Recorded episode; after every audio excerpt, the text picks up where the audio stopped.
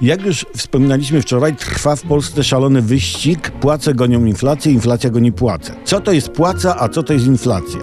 Płaca to jest to małe, co dostajesz, a inflacja to jest to duże, co powoduje, że to mniejsze staje się jeszcze maleńsze.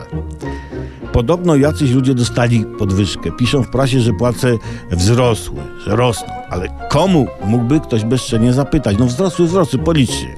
Jest nas pracujących jakieś 20 milionów. Jeśli każdy z nich zna dwie osoby, którym płace wzrosły, to podwyżkę dostało 42 miliony Polaków.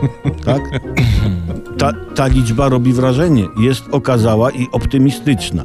Niestety inflacja jednakowoż ładne słowo jednakowoż, uparła się, że ją płace nie dogonią i pędzi, jakby mieszkała w Puszczy Kniszyńskiej. Więc kurczę, ludzie muszą chodzić do szefów po podwyżki.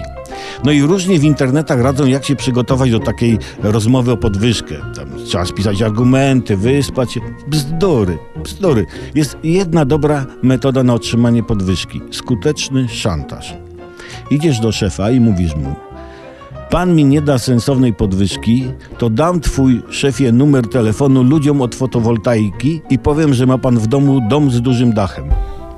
Dobra, znowu ktoś powie, a jak szef ma już fotowoltaikę, a co to przeszkadza? To wcale nie powstrzyma Karoliny Sobieraj przed telefonowaniem, tak?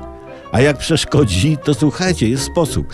Nawzajem pomagając jeden drugiemu, dzwonimy do szefa kolegi, a on do naszego szefa z konkretną fotowoltaiczną ofertą. Jak to nie zadziała, to nie wiem, co, co zadziała.